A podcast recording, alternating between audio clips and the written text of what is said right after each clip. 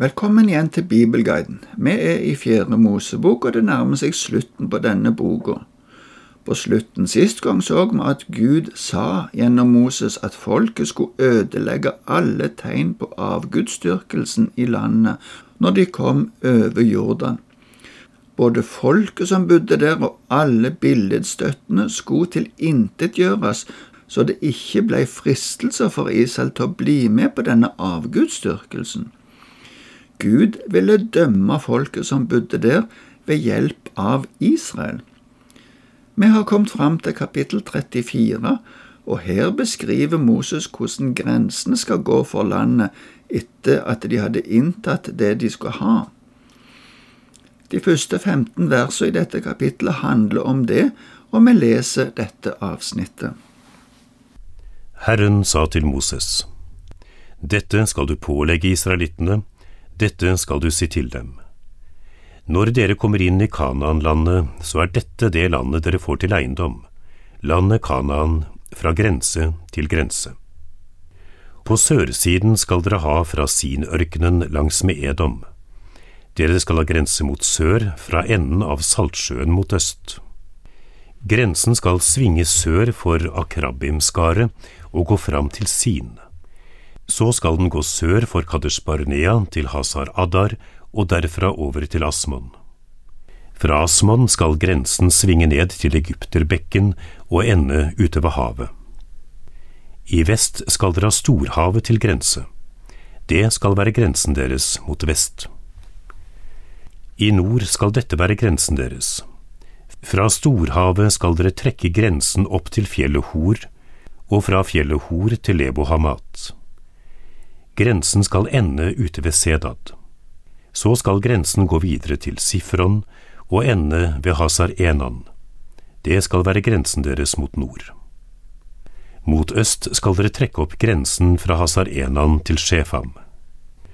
Fra Shefam skal grensen gå ned til Ribla øst for Aien og videre ned til den når åsryggen på østsiden av Kinneretsjøen.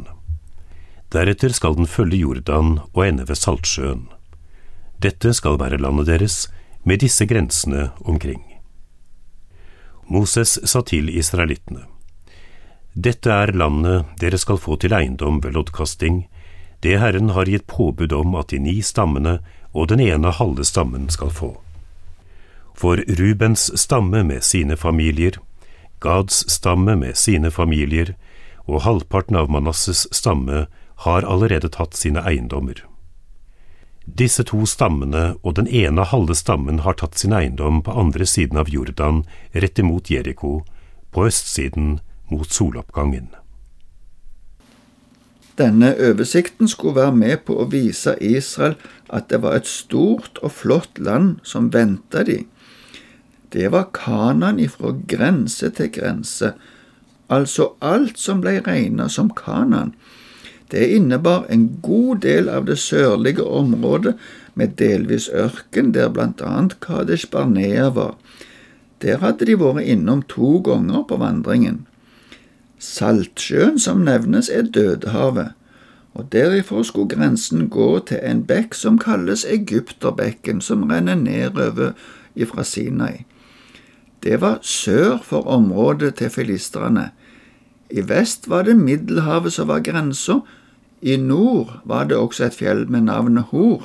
Det er ikke det samme fjellet der Aron døde, for det ligger sør for Edom, men det var langt nord, der veien går mot Hamat, som er en by i øvre Syria, faktisk nord for Libanon. Mot øst skulle det inkludere de områdene som de hadde erobret allerede, både i Basan og på Moabslettene. Det siste området var allerede lova til Rubens og Gads stamme samt halvdelen av Manasses stamme. Resten av landet, det som lå på vestsida av Jordan, og som fremdeles skulle bli inntatt, skulle bli fordelt ved loddkasting mellom de andre stammene. Presten Elasar og Josfa skulle fordele dette sammen med utvalgte menn ifra stammene. I fortsettelsen kommer det en oversikt over hvem som skulle være med på denne fordelingen. Vi leser resten av kapittelet ifra vers 16 til 29. Herren sa til Moses, Her er navnet på de mennene som skal fordele landet mellom dere. Presten Elasar og Josva, sønn av Nun, og så skal dere ta ut én leder for hver stamme til å fordele landet. Her er navnet på disse mennene. For Judas stamme Kaleb, sønn av Jefunne. For Simons stamme Samuel, sønn av Amihud. For Benjamins stamme Elidad, sønn av Kislon. For Dans stamme en leder Bukki, sønn av Jogli. For Josefs etterkommere en leder av Manasses stamme, Haniel, sønn av Efod. Og en leder av Efraims stamme, Kemuel, sønn av Skiftan. For Sebulons stamme en leder Elisafan, sønn av Parnak. For Isakars stamme en leder Paltiel, sønn av Assan. For Aschers stamme en leder Ahidud, sønn av Shelomi. Og for Naftalis stamme en leder Pedael, sønn av Amihud. Det var disse Herren påla å fordele Kananlandet mellom israelittene. Lista over de navnene på personene som skulle være med å fordele landet, nevnes av flere grunner. Det viser oss at lista og oppdraget er ekte og konkret. Ved hjelp av dette kan vi få knagger å henge historien på, og dessuten viser det oss at det skulle være ordna forhold der respekterte personer skulle garantere for det som skjedde. Det var nå en ny generasjon som hadde kommet til. De som tidligere, altså før den lange vandringen, var oppført som ledere, var alle døde.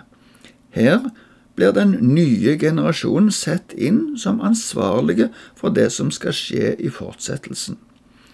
Vi går over til kapittel 35 nå. Der skal vi se at levittene skulle òg få steder der de kunne bo. Tidligere hadde det blitt sagt at de ikke skulle arve land, og det skulle de fremdeles ikke.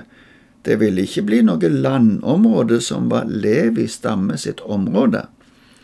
Levittene skulle bo rundt omkring i alle stammene, og vi skal lese fra kapittel 35, de første åtte versene. Herren talte til Moses på slettene i Moab ved Jordan rett imot Jeriko. Han sa, du skal pålegge israelittene å gi levittene noe av sin eiendom til arv. Dere skal gi levittene byer å bo i og beitemarker omkring disse byene. I byene skal de bo, og markene som hører til skal være til beite for buskapen deres, alle dyrene de eier. Markene ved byene som dere gir levittene skal strekke seg tusen alen utover fra bymuren på alle kanter.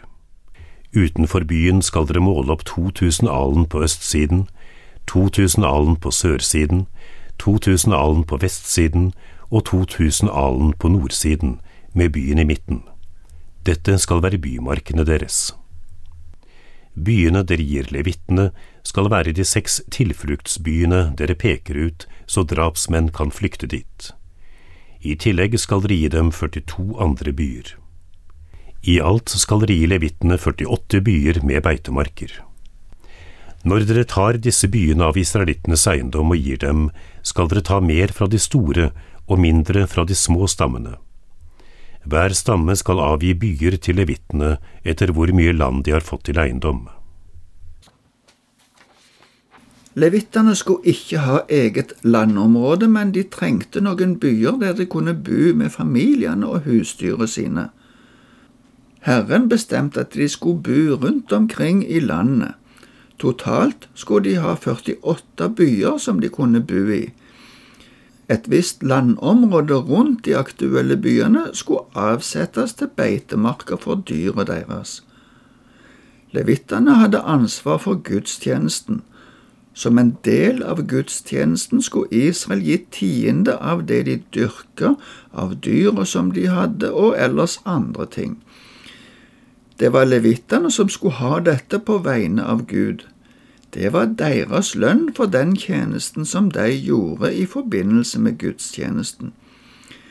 De ga òg tiende av det som de fikk inn, videre til prestene. På denne måten var også anledningen til å tjene Gud nær folket hele tida. Jeg tror ikke vi går videre i dette kapittelet i dag. Det neste avsnittet er et viktig avsnitt. Det handler om fristeder for drapsmenn.